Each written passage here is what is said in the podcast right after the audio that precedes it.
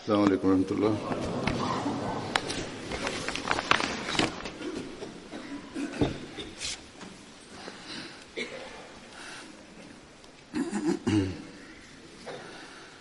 أشهد أن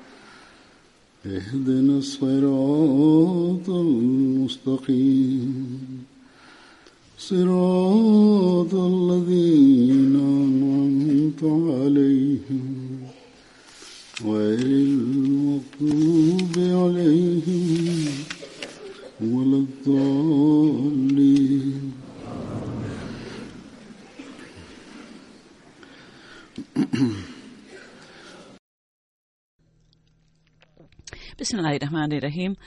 Huzur kaže u zadnjoj hudbi petkom ja sam spomenuo o visokom položaju ashaba časnog poslanika i pozivajući se na to ja sam predstavio ovaj predmet. U pogledu nekih ashaba ja sam predstavio neka iz njihovog života – Međutim, želio sam još spomenuti neke stvari, međutim, zbog kratkoće vremena ja, nisam, ja ih nisam mogao spomenuti. I poslije ove hudbe iz pitanja koje su mi poslani iz pisama, shvatio sam iz bilježa kako je god sam pripremio, ja sam opazio i shvatio sam da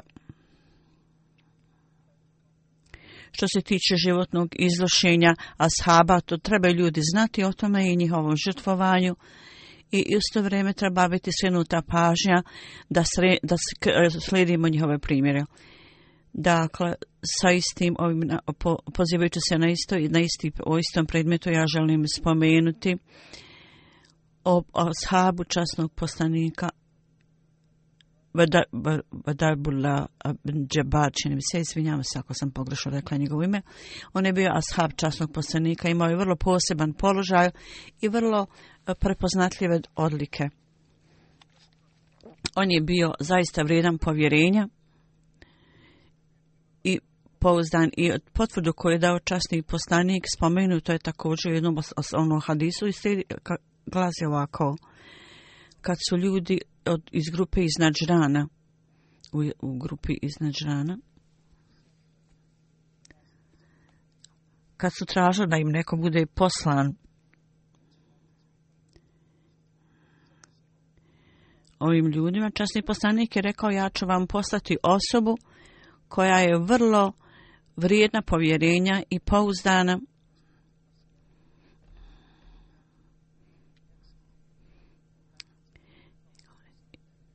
i o, o ashabi, a časnog poslanika su pitali se ko je taj ashab koji je časni poslanik spomenuo, kojim je bila data ova čast.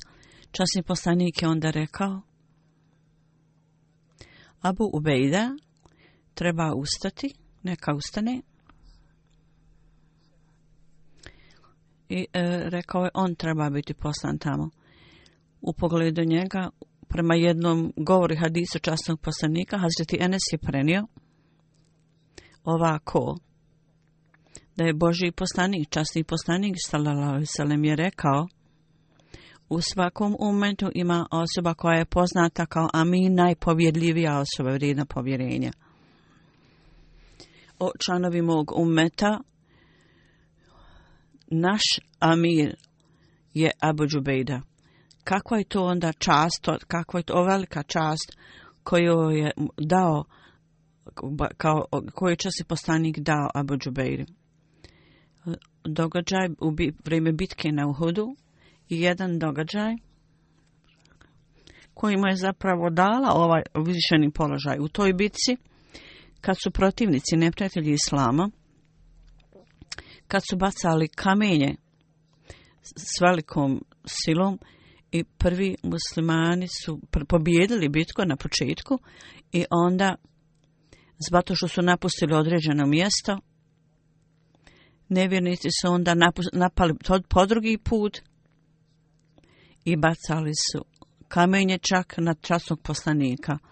Tako da časni poslanik, sallallahu alaihi ve sellem, također bio pogođen kamenjem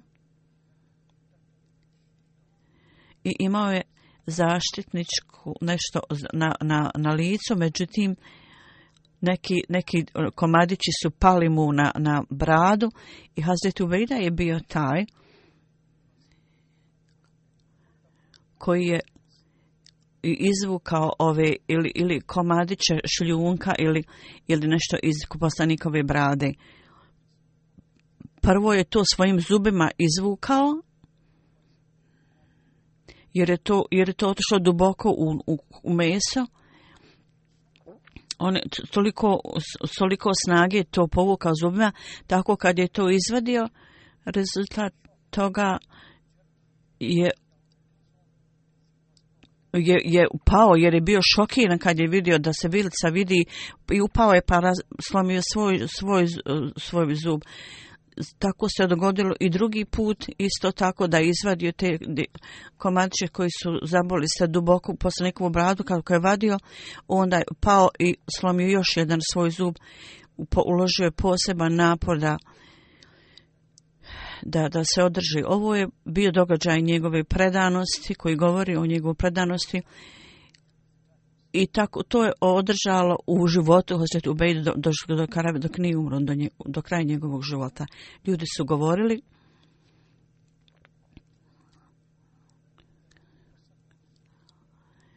osoba čija su dva zuba slomljena i nema dva zuba, mi nismo vidjeli nikoga tako lijepog uporkos toga što su mu falila dva zuba koja su bila izbijena. Međutim, uprkos toga, normalno, obično ljepota bude o, okrnjeta, okrnjena time, međutim, to je bilo dodalo njegovo ljepot, njegova skromnost i saradnja i da riječ, riješi stvari mudrošću, slučaj dogaja ova, slučaj toga primjetnoga ovako spomenuti. Jednom u ekspediciji časni postanik sallallahu alejhi ve sellem Amar bin Nanas je bio određen časni poslanik je video, video za vođu i kad su oni tamo stigli otkrili su da jedan broj neprijatelja je broj neprijatelja je veći i da, da su muslimani mali po broju ashaba tako da Amir bin Anas je tražio da mi dat bude data veća pomoć, još više pomoći. Slušajući ga časni poslanik, sallallahu alaihi ve sellem, u, u, poslao još jednu grupu ljudi sa Ebu Zubeidom i časni poslanik je hadavi sa Abu i rekao oba, obojica vođa treba da uzajamno o, sarađujete i da radite za, sa uzajamnom saradnjom. Međutim, Ubejda misleći da je ova njegova trupa, grupa dolazi samo radi pomoći i u pomoć on je počeo davati naredbe grupi i Ebu Ubejde. Tako da ovaj stari ashab uprkos toga što je rekao Ebu Ubejde što je bio poslan kao amir, kao vođa,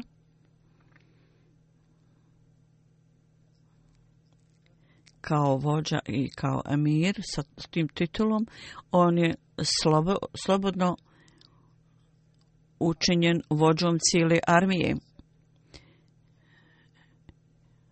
On je, on je rekao, Čas i poslanik je rekao, obo dvojica treba da u saradnji poduzmete korake.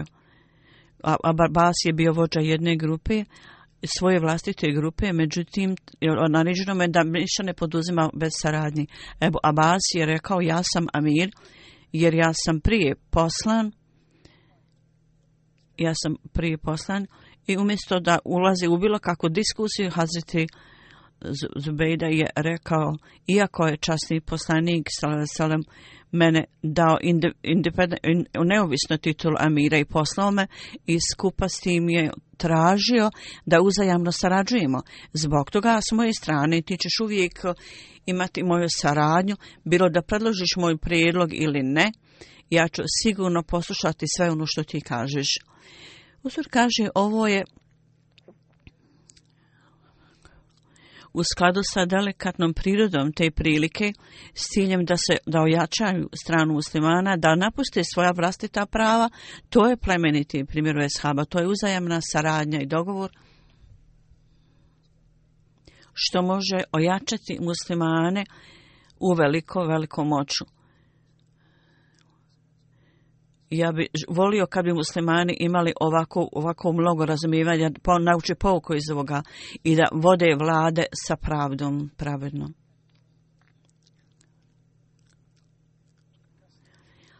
I, i da dojme neprijatelje svojim plemenitim karakterom, da kad bi to mogli, kad bi tako uradili. Tako kad je e, rimski kralj okupio vojsku i poslao je da se suoči sa muslimanima, u to vrijeme vođa muslimanske armije bio Ebu Ubejda.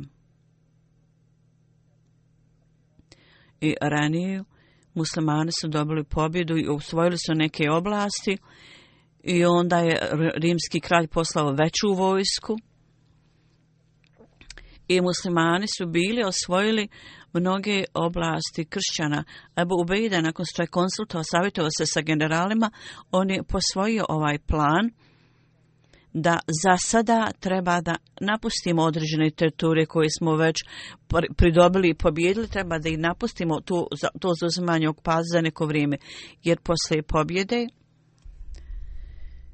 posle pobjede su to, iako su to osvojili, oni su onda, oni su uzeli neku taksu od ovih ljudi da zaštitu, oni su to onda vratili, i rekli mi ne možemo za sada paziti na vašu zaštitu i ne možemo ispuniti vaša, vaša prava, zato pla, ono što ste nam platili kao džiziju, kao taksu koju smo primili od vas, mi vam taj novac vraćamo.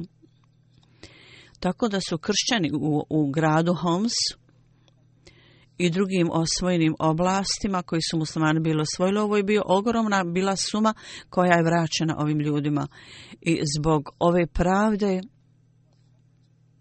ljudi su bili tako impresionirani, kršćani su bili tako impresionirani da su lokalni kršćani i nemuslimani plakali i jecali i molili Boga da molimo Boga da vas Allah ponovo vrati, da vas Bog ponovo vrati. Ovo su bili ljudi koji su trošići svoje vrijeme u društva časnog poslanika, oni su temeljili visoke standarde pravde i istine da se niko ne može s tim nadmetati, niti u to vrijeme, niti sada u ovo vrijeme. Niti ova pravda i poštenje i povjerenje i ispunjavanje prava u skladu s tim, ovo je način i ovo je put da idemo naprijed, a ne da se primoravaju mali nacije. Vi morate slijediti naš put, inače ćemo mi poduzeti korake protiv vas da, dakle da ucijenjuju. Ovo treba biti učinjeno kako je bilo učinjeno u mnogim muslimanskim zemljama, da oni prime takse od muslimana i onda umjesto da to troše e, e, za, za, za ljude, oni, oni filiju svoje kase, a uzdižu, a uzdižu glasove da vole Allaha i da vole njegove ashabe i poslanika.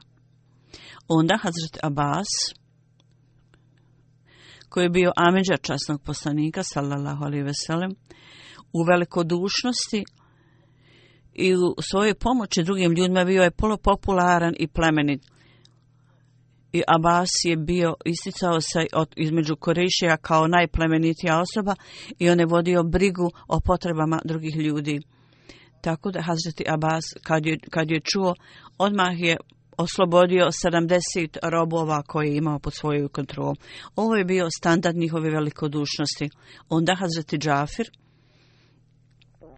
je bio ashab časnog poslanika, koji je bio rođak poslaniku i brat Hazreti Alija.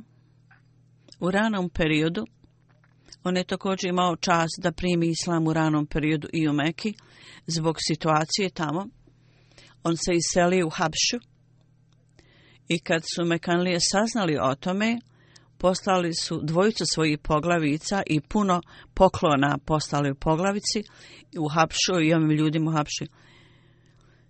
I s ovom porukom neki ljudi koji su bili neuki, neki mladi, napustili su svoju religiju i došli su ovdje, tako su prenili poruku i, i nisu posvojili vašu religiju. Njihova po, po, vjera je potpuno nova, tako su rekli u Hipšu poglavic kad su došli.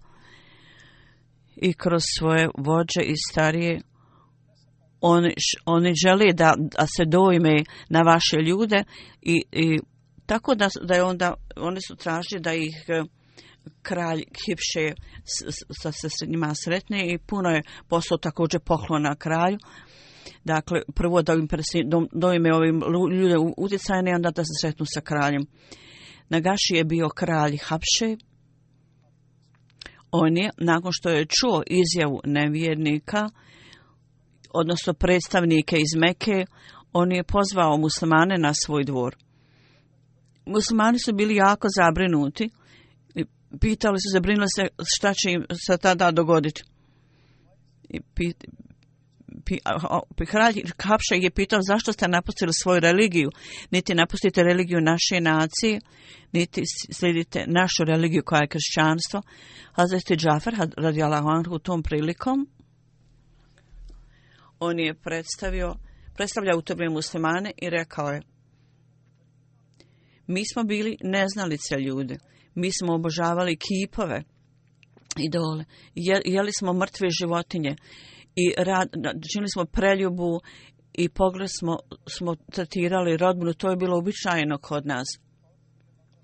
I moćni među nama su tlačili druge ljude. I u to vrijeme Allah Đerašanhu je uzdigao poslanika, čija plemenitost, istina i iskrenost i njegov plemeniti karakter i njegove porodice, on nas je pozvao Allahovu jedinstvenosti.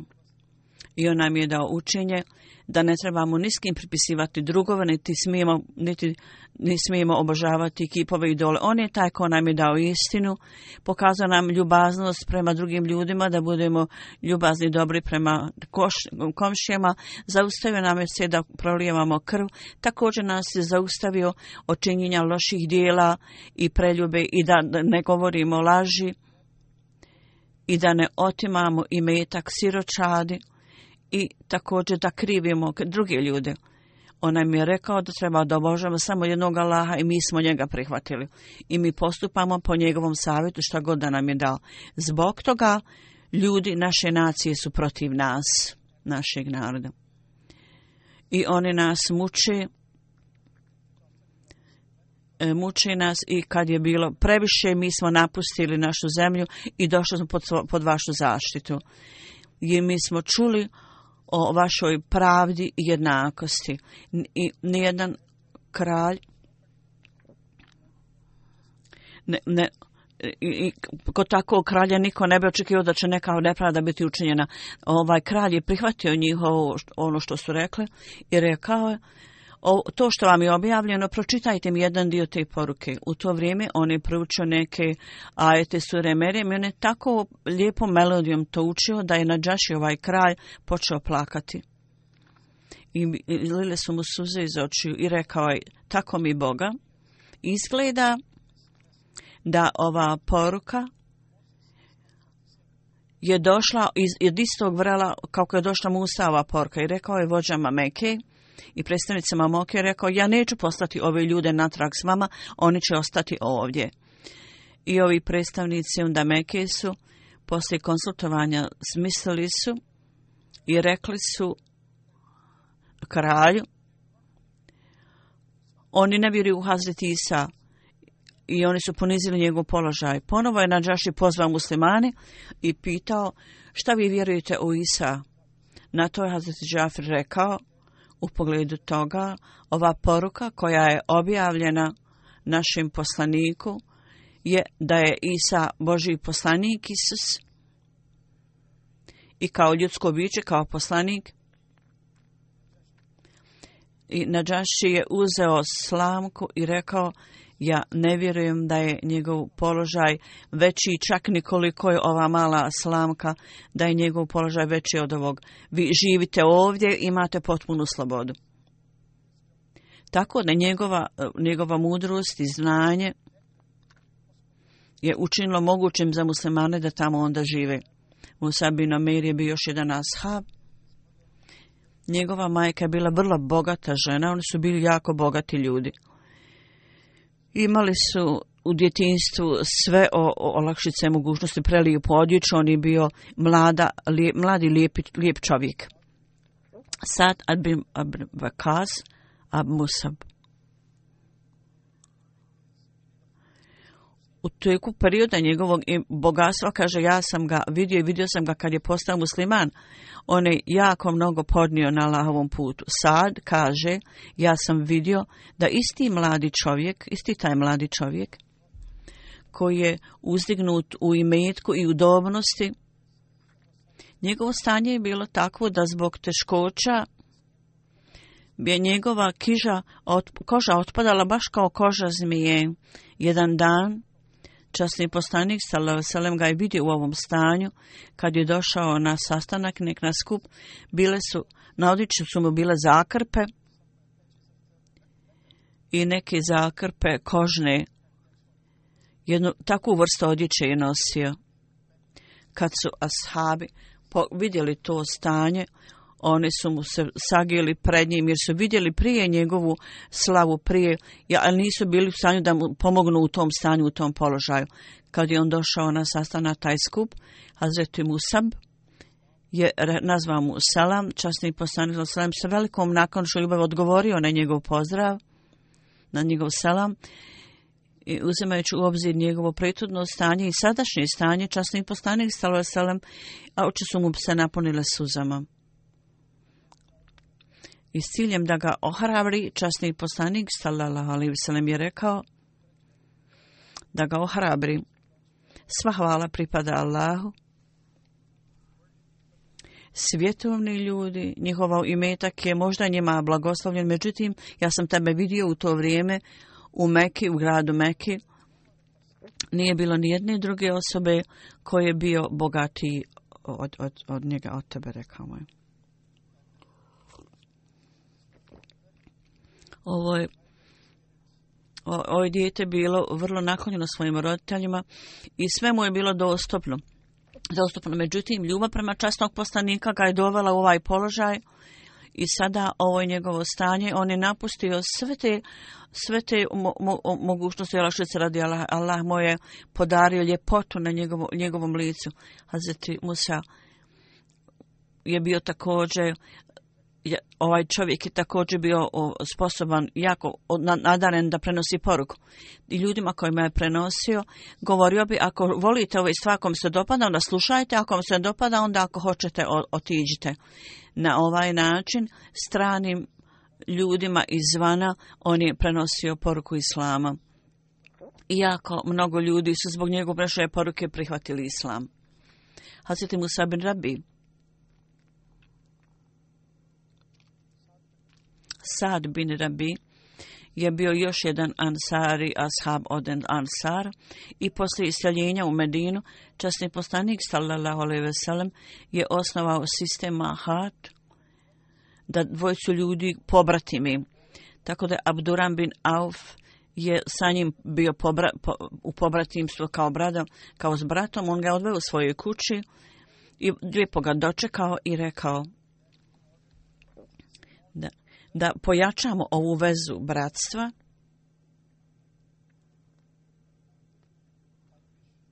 ja želim, ovo je moja želja da pola svoga imetka predam tebi I također rekao, ja imam dvije žene, koju god ti, ti se dopada, ja se mogu razvesti od nje i ti je možeš uzeti. Abdurrahman bin Auf je rekao, na, na, na način istinskog muslimana, tvoj imetak i tvoj položar i tvoje žene, Allah je učinio blagoslovljen tebi i blagoslovio za tebe i da blagoslovi i dalje i da blagoslovi da im blagoslovi i dalje onom što imaš. I rekao je, ja sam poslovan čovjek, međutim, ja ću imam, imati svoj put i samo meni pokaže put do pijace. I ja sam ti jako zahvalna za tvoje osjećanje. Tamo je onda započeo on svoj posao i bilo je vrijeme da je ubrajan među najbogatije trgovce i stekao je vrlo imet kakav rezultat toga. Hazreti Sad bin Rabi učestvovao je u džangi Uhudu i također je tamo ubijen, bio ubici na Uhudu. Njegov događaj je ovako opisan. Uvain Bikab kaže da je časni postanik Salem kad je rekao da iznađete gdje je Sad bin Rabi je, sam ga vidio opkoljenim, da je bio opkoljen neprijateljima. Sad je rekao, ja sam onda jasno pozivao njegovo ime Saud bin Rabi i otišao sam napo, išao sam napolje kad sam išao naokolo, kad sam vidio, on je bio jako povrijeđen ranama, sa prekim ranama. Ja sam mu rekao da je časni poslanik me poslao k tebi. I časni poslanik ti je poslao selam i pitao za tvoje zdravlje. Hazret Sad je u odgovoru rekao, idi natrag, prenesi mu je selam častom poslaniku i reci mu da sam ja bio jako povrijeđen i ranjen strijelama i, i kopljima i izgleda da ja neću preživjeti. I ti reci da svi poslanici koji su umrli, i svi su imali svoje oči zadovoljene i imali su radost u svojim očima, u svojim ashabima, da Allah tebi dadne zadovoljstvo u, u očima više, nego, više od toga. I recimo ovom narodu, sve dotle dok je poslanik tamo, to je njima amanet i povjerenje, treba da paze na to i da ga zaštite. Zapamtite, ako ima jedna osoba dok živi tamo, ako vi ne učinite pravdu da pazite na ovo povjerenje, onda za vas neće biti nikakvog izgovora da bude prihvaćen kod Allaha. On je ovo rekao i umro. Hazreti Husein bin Ansari, bin Husein Ansari, kod Hazreti Musuba, on je prihvatio islam kroz njega, preko njega zapravo. U pogledu njegovog duhovnog položaja ima jedan iznošenje on je, da je on govorio, da imaju moja tri stanja. Ako je jedno od stanja tu, onda ću ja sebe smatrati da sam među ljudima koji će ići u džennet. Prva stvar je da kad učim časni Kur'an ili kad bilo ko uči časni Kur'an i kad ja slušam, u to vrijeme strah od Allaha to je osjećaj koji ja imam. Ako to zauvijek ostane sa mnom, onda ja smatru, znači da smatru za sebe da sam među ljudima dženeta. Druga stvar je, kad časni poslanik, sallallahu alaihi održava hudbu i govor, i ja sa najvećom mogućom pažnjom i brigom slušam njegov glas vrlo pažljivo, u to vrijeme stanje koje ja imam, ako to stanje ostane stalno, moje stanje, ja ću onda biti među ljudima dženeta. I treća stvar je da kad sam na dženazi neke osobe, ja osjećam kao da je to moja, moja dženaza, moja vlastita sahrana. Kao da, I kao da sam ja došao da odgovaram pred Allahom. Ako ovakvo stanje ostane cijelom sa mnom, koje je stanje straha pred Allahom, ja ću sebe obrojati među ljude dženeta. Smataću da sam među ljudima dženeta. U svakom slučaju, ovo je bio pokaz velike, velikog straha od Allaha koji je on imao. I ovo ga je uvijek potečalo na strah od Allaha. Iako osoba uvijek nastoji da čini dobra djela, no, zato ja, ja, uspo, stalno misleći na Allaha, onda to Allah prihvata. Ako osoba se pita i zabrinuta je cijelo vrijeme, I ovaj čovjek je rekao, ja ću sebe smatrati da sam čovjek dženeta. Svaki put kad je ovo stanje bilo prisutno, to samo po sebi dokazuje da je on sigurno bio od ljudi dženeta i da on taj koji je stekao Allahovo zadovoljstvo. Jedan od njegovih izvanrednih odlika je bio ibadet i veliki, velika ljubav prema ibadetu.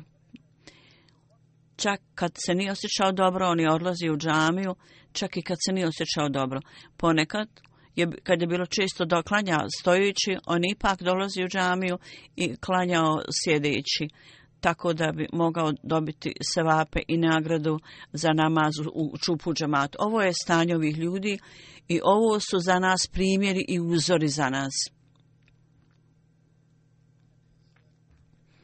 I njegovo mišljenje je također bilo vrlo, vrlo zdravo i, i čvrsto. On je uvijek davo vrlo dobar savjet. Hazit Ebu Bekr Sidik radijallahu anhu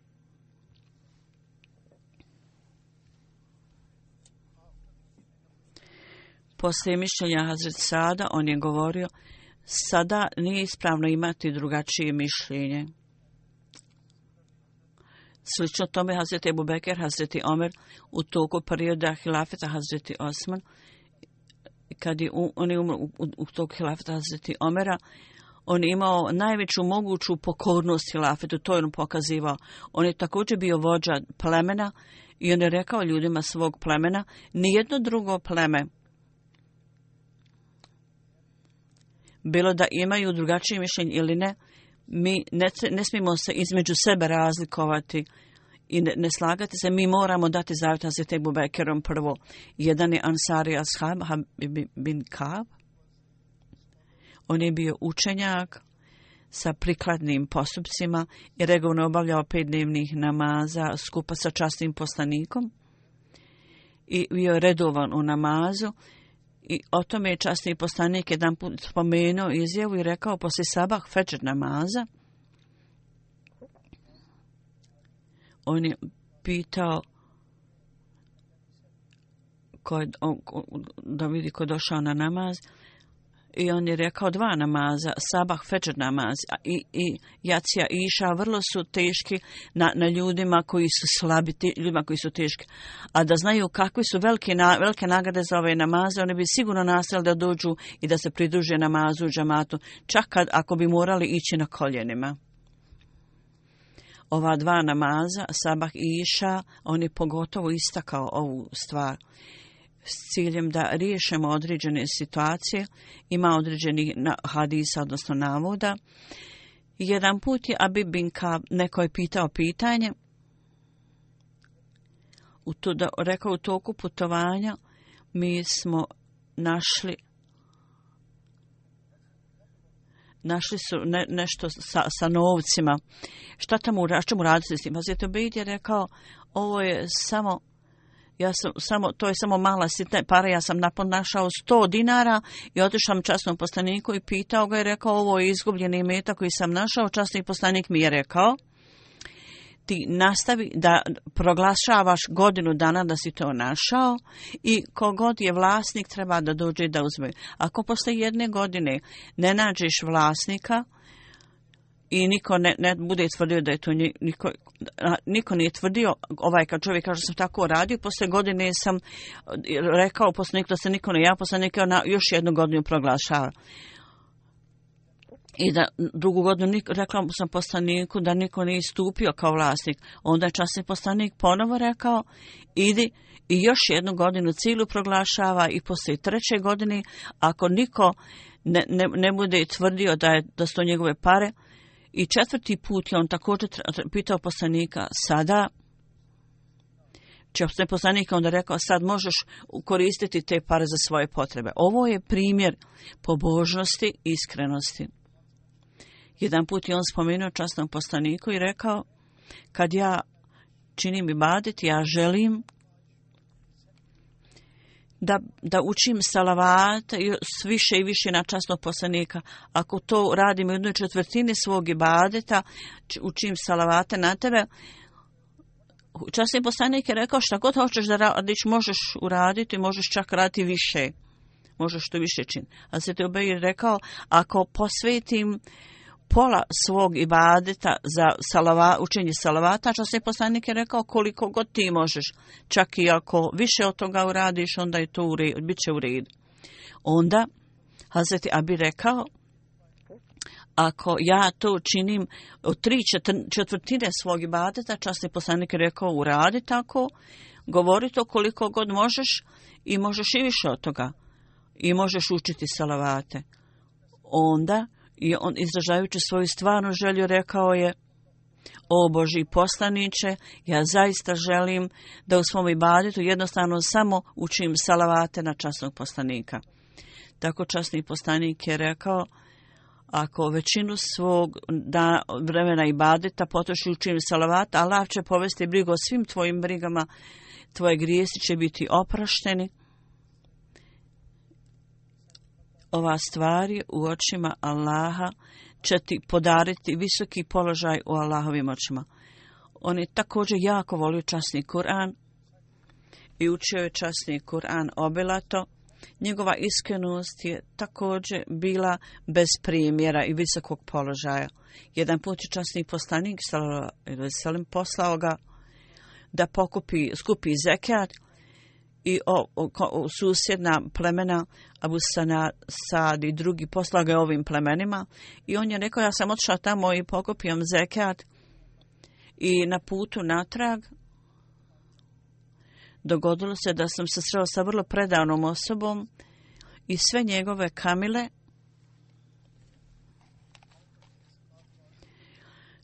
Iznos zekata je bila kao kamila jedne godine stara. I ja sam ga pitao, ćeš li platiti zekat? Šta bi, šta bi bilo samo jedna, jedna godina stara kamila ženska? On je rekao, ja ću ti dati ka, kamilu žensku koja je malo odraslija i to će biti dobro za tebe, za tvoju upotrebu. Hazret Abi je rekao, ja sam jednostavno vrlo povjerljiva osoba, ja sam došao da po, skupim zekat, ja ne želim da uzmem više nego što je tvoja dužnost, što ti dodi, što treba. On je bio vrlo vrlo obziran. Ovaj moj čovjek rekao, uzmi ti stariju kamilu, on je bio ipak obziran prema ovom čovjeku. I tako da je on uzeo to i predstavio slučaj časom postaniku, rekao vačom postaniku. I taj ashab također je došao časnom poslaniku i objasnio cijelu stvar što se dogodilo. I rekao je, molim te ljubazno, primi ovu stariju malo kamilu odrasliju. Časni poslanik je onda izrazio veliku radost na njegovo žrtvovanje i rekao je, ako je ti zaista srčano, rad, rado, radosno iz srca daješ ovu odraslom kamilu, onda želim da te Allah na, nagradi. Ali se ti obe, obe je bio vrlo o, obrazovana osoba sa velikim znanjem i znao je ovaj časni Koran druge intelektualne stvari i bio vrlo visokog položaja i u, imao je vrlo ugledan položaj u društvu. Njegov položaj je bio vrlo visok. I ovo je bio njegov položaj, ovakav.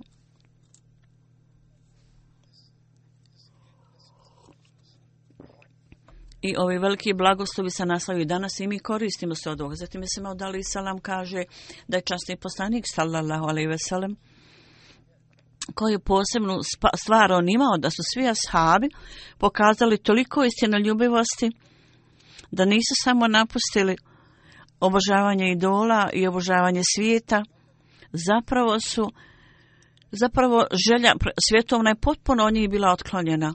Oni su pred samo uvijek vidjeli Allaha i toliko su se bili, bili su toliko planen Božim putu, kao da je svaki između njih bio Ibrahim. Oni imao, imali su potpunu predanost s ciljem da šire Allahovu, Allahovu veličanstvenost, oni su činili dijela, dijela takva koji se ne mogu naći jednaka takva među drugim ljudima. Bili su spremni da žrtvuju se na Allahovom putu. Međutim, neki ashabi, ukoliko nisu bili ubijeni, mislili su da možda ima manjkavost u njihovoj predanosti, kao što je spomenuto umin kazam, kazamu spomenuto u tom ajetu, kao što je u ajetu spomenuto da su neki među njih bili ubijeni, stekli položaj šehita, a neki su se pitali kad će i oni zaraditi taj položaj da budu ubijeni, da budu šehid. Dakle, bilo da su ovi ljudi nisu imali, ovi ljudi su imali naravno i svoje potrebe, da nisu imali vezano svoju familiju i djecu, međutim, oni su davali prednost religiji nad svim svjetom i stvarima. Onda on kaže u Meki, vjernici sjedili su tamo i vidjeli su časnog poslanika i nije bilo nikakve nikoga drugog da se pridruži u tome.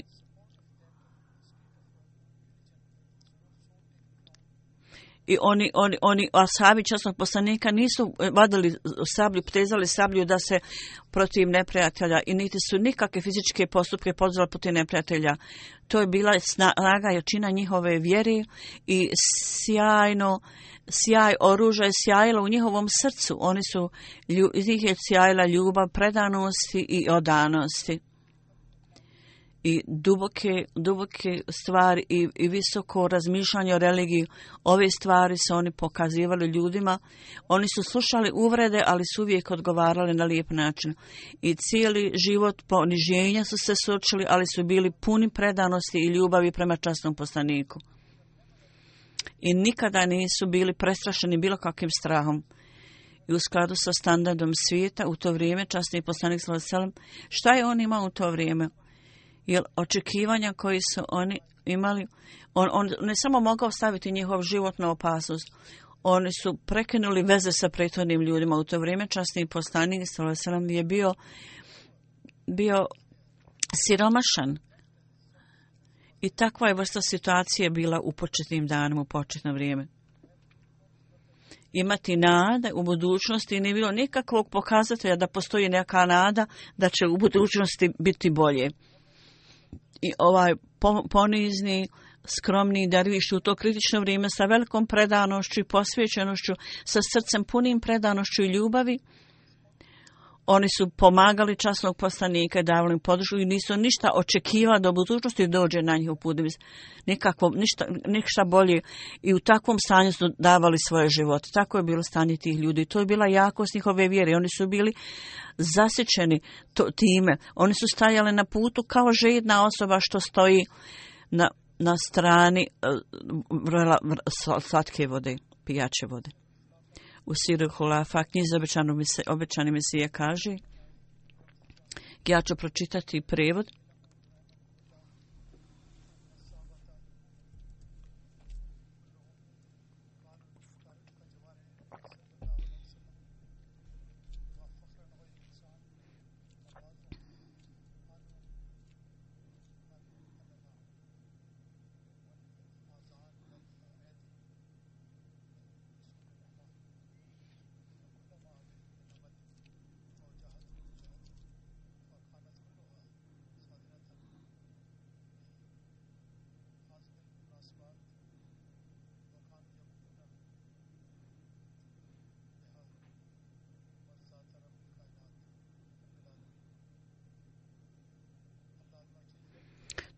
to jest da Allah ima milosti na sve ashabe časnog poslanika sallallahu na sve ashabe oni su svi bili kao dijelovi tijela časnog poslanika i oni su bili čast za čovečanstvo oni su bili oni su obožavali uzvišenog Allaha i radi Allaha su, neki od njih su bili kao, kao, kao dilovi tira što su poslanika, neki kao oči, neki kao ljuke, neki kao noge. Sve ove ashabi što su radili, šta god su učinili, to je bilo u skladu sa tom svojom ulogom i njihova svrha je bila da steknu Allahovo zadovoljstvo, zadovoljstvo stvaravca svih svjetova, da nas Allah pomogne da slijedimo primjere ovih uzvišenih zvijezda i da nas učini onim koji voli časnog poslanika i da naši postupci budu samo da steknemo Allahovo zadovoljstvo. Poslije džume namaze, ja ću klanjati dženazu namaz, mokaremo Ajšu, za mokaremo Ajšu, ženu iz Holandije. Ona je bila u Beninu tamo je imala srčani udar i na instituciji je umrla. Nakon što je završila svoje obrazovanje, imala je posao, posao i 2002. se udala uz potvrdu Hazreti Kalifatul Mesiha. To je bil Hazret Fahim iz Sađa familije. U to vrijeme ona nije bila prihvatila islam, međutim bila je zainteresirana za Ahmedijet. I posle isklapanja braka ona je postila Fahim Sabi bio njegov, njen muž, on bio vrlo vezan Ahmedi i rekao je, jedan put mi smo razgovarali i ona je počela plakati. Ja sam mislio da sam možda koristio neke grube riječi. Međutim, ona mi je kasnije rekla da je zapravo upoređivala sebe i Ahmedijet i mislila da je ogromna razlika između istinskog Ahmedi i mene, tako je rekla, ja ne mogu biti, postati muslimanga. Počela je plakati zbog ovog osjećaja lišenosti da nije dorasla tome. Fehim Sab onda kaže, kad je gledala na postupke zajednice, bila jako impresionirana i onda Fehim Sab joj je dao zavit, formu, bajat formu, ona je to pročitala i deset uvjeta zavita bajata i prvo je rekla ja ne mogu ovo potpisati i nakon što je pročitala vrlo uskoro poslije toga 18. marta 2006. ispunila je zavit, bajat formu i meni je također napisala pismo Huzur kaže i bila je, imala je veliku ljubav prema halifatu i pomagala je svom mužu u džematskim aktivnostima i bila je, u, u, bila je aktivna također i pomagala mužu usto. I bila je kampanja za vasijat, ona je čitala moju hudbu i uskoro poslije od toga ona je ušla također u instituciju halifata oparuke. Kasnije posvetila je svoje vrijeme skupa s mužem i otišla je sa Humanity First u zapadnu Afriku. I prividno ovo je bila emocion, emotivna odluka jer imala jako dobar posao u kompaniji. Ona je napustila taj posao. Misionar u, na dužnosti u Holandiji, ja, rekao ja sam pokušao da ih posavjetujem ome i rekao sam da je stanje u Africi nisu tako ugodne, nije tako ugodno stanje i da treba mentalno biti spremna da ide tamo. Ona je rekla mu, Rabisa, nemoj mi govoriti ove stvari. Ja sam donijela odluku nakon punog razmišljanja, potpunog razmišljanja. I onda su joj također i rodbina rekla, nemoj ići u Afriku. Oni su mislili da je Ahmedija džemat kao kompanija, jer su joj rekli ako kompanija bankrotira, i rekli su ako tamo odeš, onda nećeš biti nigdje ako kompanija bankrotira. Onda je onda odgovorila svojim rodbina, svojoj rodbini koji su kršćani, Nina vjera je bila vrlo snažna. Oni su rekli, nemojte se brinuti o tome, džemat nije kao kompanija koja može bankrotirati i propasti. Ne može, ne može bankrotirati i propasti džemat. Što se tiče mene, ako ja umrim, onda bi željela ovu stvar da budem sahranjena u, u istom selu za, gdje su siročad. Ona je u, u, u, odrasla i odgojena u zapadnoj kulturi, imala je dobar posao i pro svega toga otišla je u Afriku u vrlo teško, teške uvjete i vjerno je nastavila svoju predanost i vrlo odgovorno je ispunila svoju dužnost. Vrlo redovno je bila u namazu i pošto, otkad je postala Ahmedu i klanjala je namu, na, namaz redovno i klanjala je tahadžud namaz. Nikad nije propustila nijedan namaz i zapravo je savjetovala druge ljude da obavljaju namaz. Slušala je redovnu hudbu i nastojala da postupa u skladu sa svim savjetima koji su bili dati u hudbi.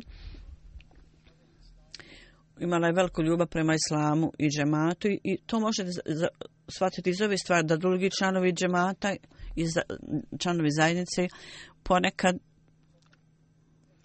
kako treba ne postupa u skladu s tim, tako da ona ona bi postala onda pitala se zašto vi ljudi ne postupaju kako treba. Redovno učila Kuran i nastoja da, da shvati prevod i komentar. Nije imala nikakvih problema. Bila je na dužnosti ovog, ovog sirotišta i smatrala je siročad kao vlastitu djecu. Uh, Jahija Sabi Sumaniti First kaže Dajli Kram, to je, to je selo za siročad. I kaže, kad sam ja otišla tamo da vidim, Daril Ikram, Darul Kram, Dvije godine stare djeca siročad su bila tamo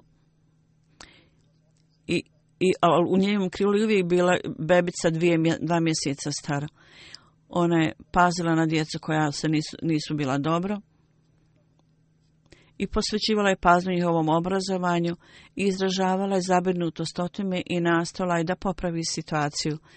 I on kaže, kad god sam pitao o njoj sam neki lični zahtjev, ona bi uvijek rekla, mi smo se posvetili tome, mi smo svoj život posvetili, mi smo izuzetno zahvalni Allahu da nas je sposobio da radimo ovaj posao i da nas Allah usposobi da služimo ovu mla, malu djecu siročad.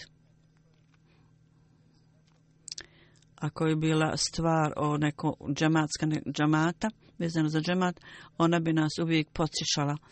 Gospodin uh, Sadarile, koji je predsjednik u Antifrstu Holandiji, on kaže, Fehim Sajmir muž mi je rekao da od samog početka da je ona vrlo bila naklonjena u lotu u Evropi to jako popularno. Međutim, kad joj je rečeno da je to islamu zabranjeno, ona je odmah to prestala i sam novac koji je davala bila za, investirala za loto, ona je počela davati za izgradnju džamije.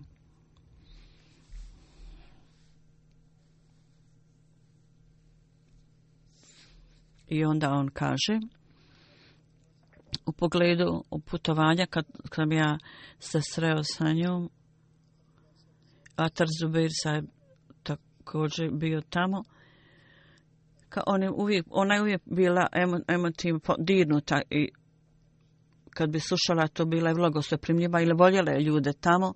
I zbog te ljubavi ljudi koji su živjeli u toj oblasti u Beninu oni su je zvali mama. I uvijek su je konsultovali, pitali savjete za svoje privatne stvari. Iz Benina džemac piše da je ona bila vrlo redovna u plaćanju doprinosa. Jedan misionar tamo dva, tri puta je spomenuo. Ona je reka možeš doći i uzeti doprinos i uvijek je plaćala doprinos za oporuku, program oporuke i u, na prvom prilikom. I kad god sam ja spomenuo, kad sam spomenuo za Vajatul Futuh, on se, ona se također pridružila tom apelu i dala prilog. Uvijek je davala prilog, učestvovala u drugim apelima, molbama, naliktima. Ovo sirotište, ona je radila vrlo predano u tom sirotištu i nosila je malu djecu, tek rođenu djecu, nosila je sa sobom. Ja sada ja, ja imam osjećaj da su ova djeca postala siročad posljednje da ju Allah oprosti i također da Allah podari džamatu tako predane ljude, oni koji razumiju duh žrtvovanja da Allah nastavi blagosloviti takve radnike u džamatu.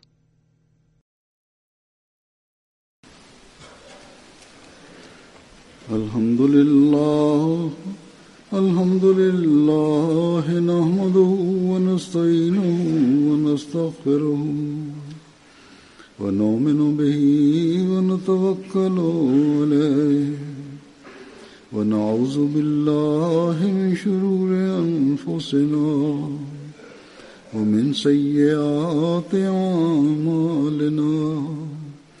من يهده الله فلا مضل له ومن يضلل فلا هادي له. ونشهد أن لا إله إلا الله. ونشهد أن محمدا عبده ورسوله. عباد الله رحمكم الله. إن الله يأمر بالعدل واللسان وإيتاء ذي القربى. وينهى عن الفحشاء والمنكر والبغي يعظكم لعلكم تذكرون. اذكروا الله يذكركم وادعوه يستجب لكم ولذكر الله أكبر.